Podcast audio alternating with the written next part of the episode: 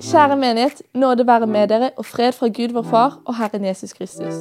Jeg heter Nora Lande, og i dag er det ungdomsarbeideren i Østsida frikirke, Fredrik Notevik, som skal tale.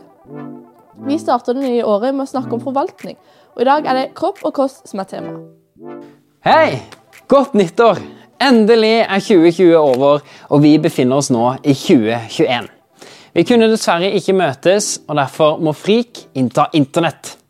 Det er ikke like bra, det vet jeg, men det gjør jo at vi gleder oss enda mer til vi kan møtes face to face igjen.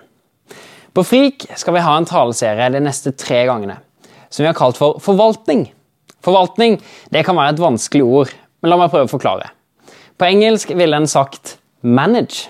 Manage kan jeg si betyr å organisere, strukturere og planlegge. Og manage det ligner veldig på manager. Hvis du tenker over det, så er det egentlig det en manager gjør. Han organiserer, strukturerer og planlegger for å få ut det potensialet som ligger i laget, ut i kamp. Det er det forvaltning betyr. Nemlig det å bruke det du har fått, på en best mulig måte. Som igjen betyr at vi er alle managere. Vi er alle en type Frank Lampard, Ole Gunnar Solskjær, Mourinho eller Klopp. Bare i våre egne liv. Ikke over et stort fotballag, men over meg. Jeg er manager over meg selv. De neste gangene skal vi ha ulike temaer som penger og tid, og så skal vi snakke om hvordan Gud ønsker at vi skal forvalte dette på en best mulig måte. Nå er det januar. Det er et nytt år, nye muligheter og nye nyttårsforsetter. Hva kan vel passe bedre enn å snakke om kropp og kost, som er tema for talen? Jeg ønsker likevel ikke at dette her skal være en av de der fitnesskanalene du kanskje har vært innom på YouTube, som snakker om hvordan du skal få sixpack og størst mulig muskler, eller hvordan du skal se sånn og sånn ut. Nei. Det er allerede et enormt stort kroppspress og kroppsfokus, særlig blant ungdom og unge voksne. Derfor så ønsker jeg egentlig å prate sunt og sant om det. I, de, i desember så sletta jeg TikTok. Fordi selv om jeg gikk inn på innstillinger og valgte at jeg vil helst se videoer om fotball og morsomme katter, så kom det likevel opp mange videoer av både gutter og jenter med flotte kropper og mye bar hud som gjorde ulike ting. Og poenget mitt er at vi blir bombardert hver dag med reklame og sosiale medier hvor det er stort kroppsfokus. Det er jo ikke sånn at de, de som driver med dette, her kikker inn i kameraet og sier du er altfor feit. Du er i altfor dårlig form. Du er ikke bra nok. Du er ikke fin nok. Nei, de gjør jo ikke det. Men indirekte så er det det vi blir fortalt. Gjennom alle disse inntrykkene så blir vi fortalt at vi også burde se sånn ut. Altså som jeg ser ut, ikke er bra nok. Det er fort gjort å bli farga av alle de inntrykkene vi får inn om dagen.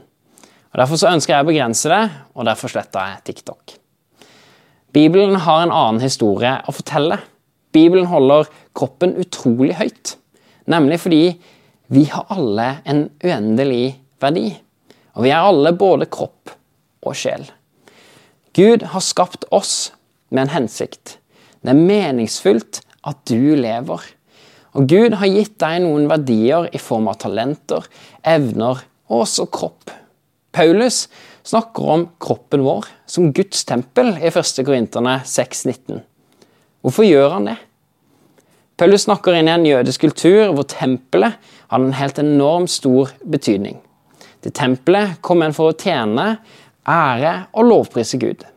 Det var det stedet en kunne gjøre opp personlig synd med Gud, og du har sett på det som det aller viktigste og helligste i jødisk kultur. Poenget til Paulus er at når vi tar imot Jesus, så flytter Den hellige ånd inn i hjertet vårt og tar bolig i oss. Det betyr at vi blir gjort hellig ved at Den hellige ånd flytter inn og renser oss fra all synd.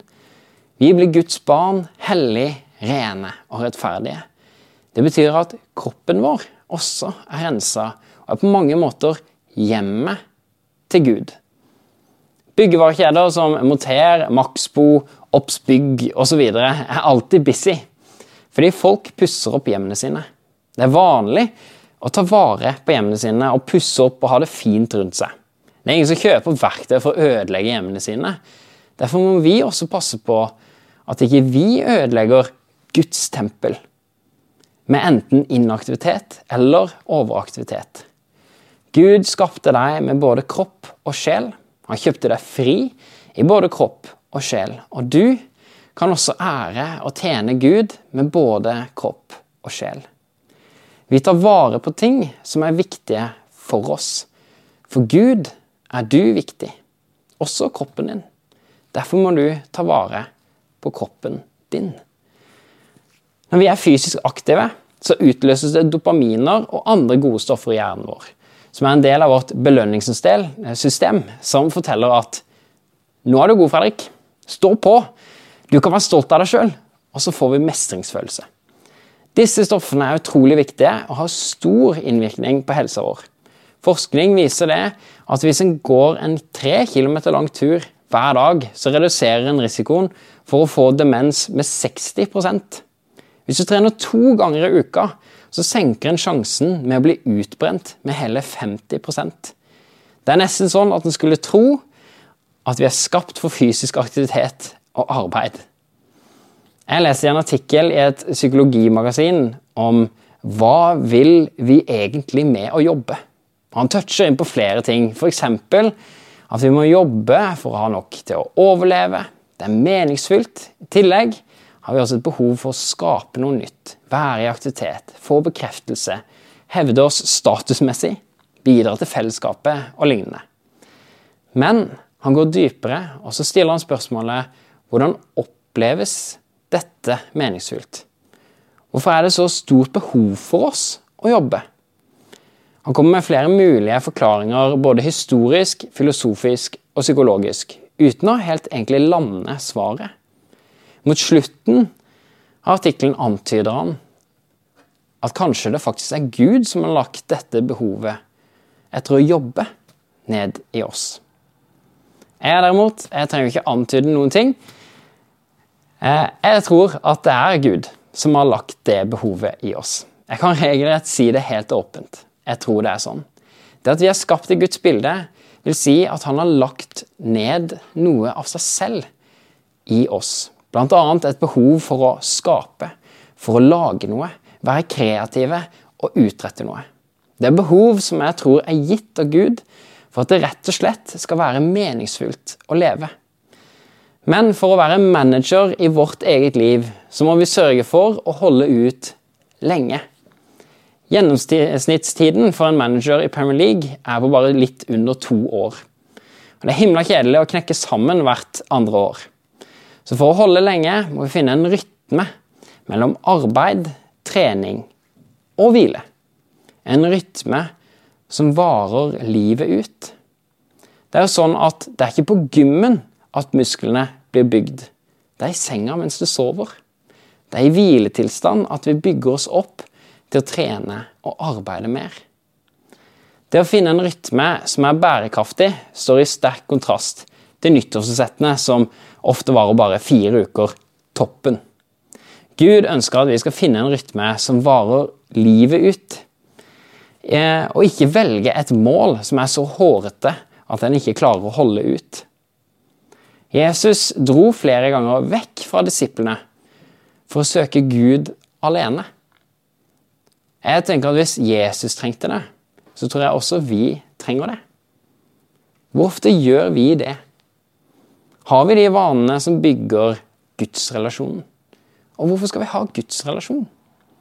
For meg er det noe som har båret meg gjennom vanskelige tider. Og Jeg har lyst til å utfordre deg på å prøve å sette den gudsrelasjonen høyt, du også. Edin Løvaas, en tidligere forkynner, sa om det med rytme i en tale. Nå må du ikke sitte her og få dårlig samvittighet for at du ikke ber en time. Iblant bruker jeg bare sju minutter. Det hender for meg, som med alle andre mennesker, at det kommer sånne vemmelige og ekle dager. Slimete, ekle dager. Da går jeg inn på kontoret og så sier jeg, 'Gode Gud i himmelen, jeg orker ikke å be. Amen.' Og så går jeg ut, Men hvorfor står jeg der da? Det er viktig. Det er for å holde rytmen. Og det er veldig viktig. Jeg er ofte sånn at jeg havner i grøfter. Jeg vet ikke åssen det er med deg, men, eh, men, for meg så er det sånn at jeg ofte kan jobbe altfor mye og ikke ha tid til hvile, ikke ha tid til å gjøre noen ting. Og så, når jeg får ferie, så eh, lander jeg på sofaen, og så blir jeg der i noen dager. Eh, I 2007 så våkna min mor opp og klarte ikke å bevege seg. Alt gikk rundt for henne. Og hun klarte ikke å stå oppreist engang. Hun hadde møtt veggen. Hun hadde jobba mellom 12 til 18 timer i døgnet i mange måneder i strekk. Til slutt så sa kroppen ifra. Det er viktig å hvile, og det er viktig å trene. Det er viktig å ha en rytme i livet. Vi sitter i snitt 9,3 timer om dagen. Så kan du stille spørsmålet er alle de timene hviletimer. Nei, jeg tror egentlig ikke det. For hjernen tar ikke pause selv om kroppen ikke beveger seg. Før lyspæra ble oppfunnet, sov vi 11 timer i snitt. Bare noen få etter at lyspæra kom inn i hjemmet, så gikk det ned til ni timer. Etter at smartphonen ble vanlig å ha, så gikk det ned til syv timer. Man kan da stille seg spørsmålet om vi gir oss nok tid til å hvile. Alle disse tingene som vi opplever om dagen, de må prosesseres. De må få tid til å, til å uh, gå noen ganger opp i hodet, så vi kan få tid til å lande ting.